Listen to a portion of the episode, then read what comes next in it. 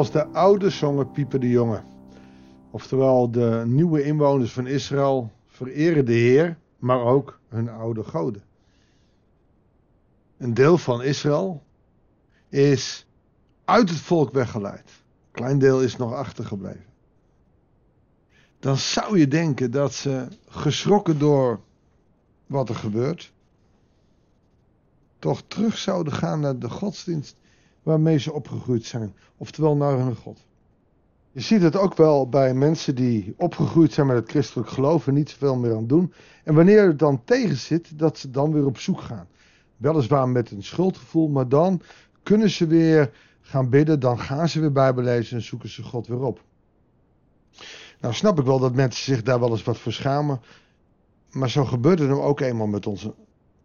Als wij, ook als christenen, het goed hebben, dan is het moeilijk om een ritme op te pakken voor het dagelijkse geloofsbelevenis. Toch is het niet erg. Natuurlijk is het het beste als je elke dag met God bezig bent. Natuurlijk is het het beste om een relatie met God sterk te houden. Ik bedoel, mijn vrouw zou het ook raar vinden als ik wekenlang niks van me liet horen en dan opeens weer van alles moest. Ook een relatie met een partner of met familie of met vrienden ga je onderhouden. En zo is het ook met Jezus, met God.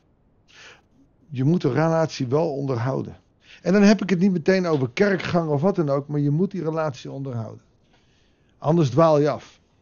En wat ook moeilijk is, is wanneer je als enige in een gezin naar de kerk wil. Ik zie, en ik hoor het nog veel, heel veel vrouwen. Vaak zijn het de vrouwen, heel enkel ook een man, die alleen gelooft en dan wel naar de kerk gaat.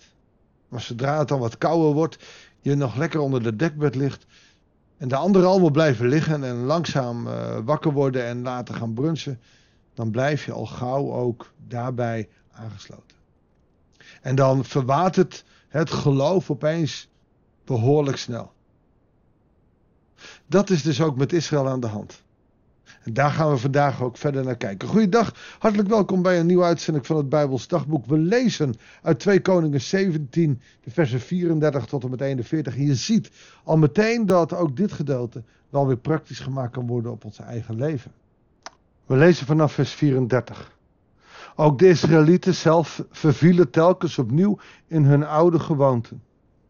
En doen dat tot op de dag van vandaag. Ze vereren de Heer niet en houden zich niet aan de voorschriften, regels en wetten en geboden die de Heer heeft opgelegd. Aan de nakomelingen van Jacob, aan wie hij de naam Israël heeft gegeven. En dan krijgen we een opsomming van hoe het in opdracht in de wet van Mozes staat. De Heer heeft met hen een verbond gesloten. Een, een, een, verbond wat belangrijk is. En een verbond waar je je handtekening onder zet. Hij heeft een contract. Ze houden zich niet aan het contract. En hij heeft een opgedragen, jullie mogen geen andere goden vereren. Dan kan je zeggen, ja nou lekker eenzijdig. Nee, als je namelijk geen andere goden vereert, dan zal ik jouw God zijn, dan zal ik je zegenen. En ook in deze tijd komen wij erachter dat die zegen van God niet te ontberen is. Alleen te veel mensen zien dat niet. Ik zou niet zonder Gods zegen kunnen. Terwijl ik soms helemaal niet snap van God niet begrijpt hoe het in elkaar zit.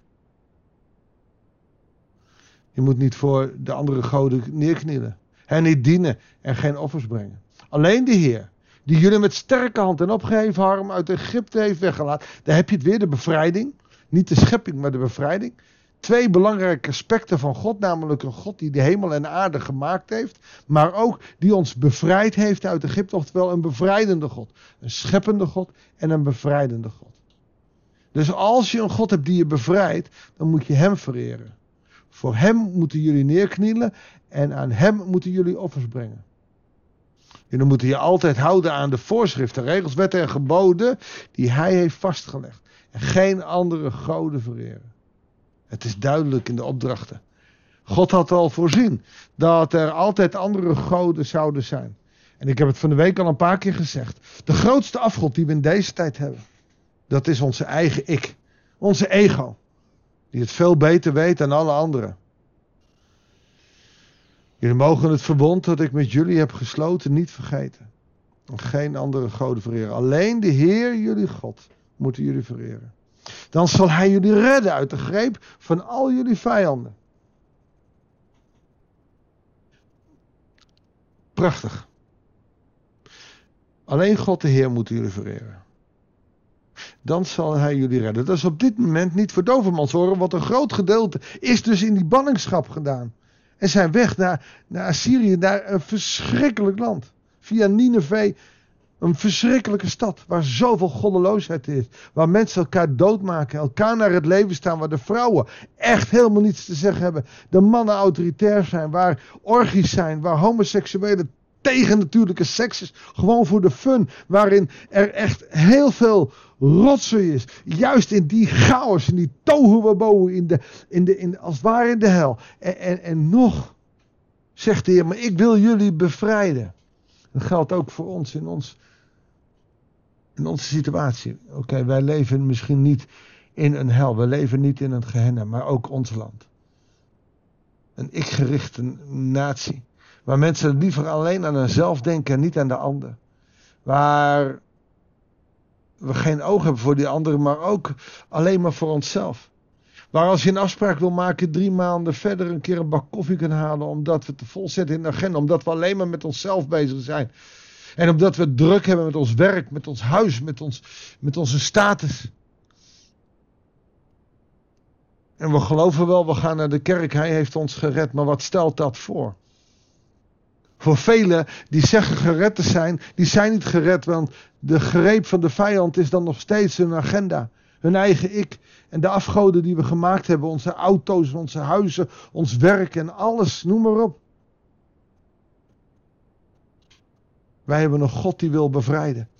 Israël wilde niet daar, maar ook wij wilden dus vaak niet daar. Oh, het is heel makkelijk om dan netjes naar de kerk te gaan of een podcastje te luisteren of eens even wat anders te doen. Maar als wij weten dat Jezus Christus ons bevrijd heeft aan het kruis op Golgotha, als hij zijn leven gegeven heeft voor jou en daarmee in de vrijheid heeft gezet, waarom willen we daar niet aan leven? Maar Israël staat er in vers 40, maar ook wij hebben niet geluisterd en houden nog altijd vast aan onze oude gewoonte. De bewoners, de nieuwe bewoners van het land, verreden de Heer. Dat is bijzonder de buitenlandse mensen, die door leeuwen werden opgevroten, moesten weten wie de Heer was, zodat ze in Canaan konden wonen. Maar ze dienden ook hun eigen godenbeelden. En kinderen en kindskinderen volgden het voorbeeld van hun ouders en leefden tot de dag van vandaag op dezelfde wijze voor. Een vreemde mengeling van christ of gelovig zijn, jodendom en de anderen geloven. En ook dat kan niet, want God is een jaloers God. Uiteindelijk zal dat ook niet verstand houden. En God duldt ook niet van die halfbakken goden aanbidders in zijn land. En we zullen ook zien dat op een gegeven moment God dat ook weer op een goede manier weet op te lossen. Hij de Israëlieten weer aan zich weet te binden. En dat doet hij dus puur door liefde en genade. Hoe is het bij jou? Moet jij er ook aan je haren weer bij getrokken worden? Ben jij ook weer afhankelijk van die liefde en genade? En wat mag die liefde en genade jou dan kosten? Is een podcast per dag of één per week voldoende voor jouw geloofsleven of wil je meer voeding? Wil je meer leren en groeien in, jouw, in je relatie met Jezus? Ik kan je wel beloven, hoe meer je werkt aan die relatie, ook in goede tijden, dan zul je er veel meer aan hebben als het straks moeilijk is hoef je ook dat schuldgevoel niet te hebben dat, oh, dan gaat het slecht en dan roep ik hem weer aan. Het is niet erg, maar het zou beter zijn als het niet zo was. Werk aan je relatie met Jezus. Weet je, alleen daarvoor is een podcast, maar ook een kerkdienst. Gewoon al goed. Om een bepaald ritme te houden. Om je erbij te betrekken. We moeten uitkijken. Gaat niet ver. Um, verstoethaspelen, zou ik het zeggen, vermengen met andere godsdiensten of met andere. Ik hoor het nog wel eens en, en mensen vinden het helemaal niet erg, maar uh, dan zijn ze in de kerken. Oh, het is wel lekker zen. Hoe kan je het boeddhisme bij de kerk binnenhalen? Moet je niet doen. Kies of christen of boeddhist voor mijn part, maar kies. Wees eerlijk. Want God is een jaloers God. Hij wil jou bevrijden, maar dat kan niet als jij ook hult met andere goden. Zullen we samen bidden? En Heere God, die goden die liggen op de loer. Die goden die ja, zijn overal om ons heen. Het is zo makkelijk om te kiezen voor onszelf en, en eigenlijk tegen u. En we willen best eens een beetje van u. Maar dan ook weer een beetje van dit en een beetje van dat, Heere God. En u wilt zo graag dat wij op u gericht zijn, dag in dag uit. Elke keer weer. Zodat we groeien in ons geloof, zodat we dicht bij u mogen wandelen. Heer, wilt u ons nieuwsgierig maken, zodat we meer en meer met u aan de gang gaan. Wil dat in ons hart leggen door de kracht van uw Heilige Geest. Daar bidden we u in Jezus' naam. Amen. Dankjewel voor het luisteren. Ik wens je God zegen en heel graag tot de volgende uitzending van het Bijbels Dagboek.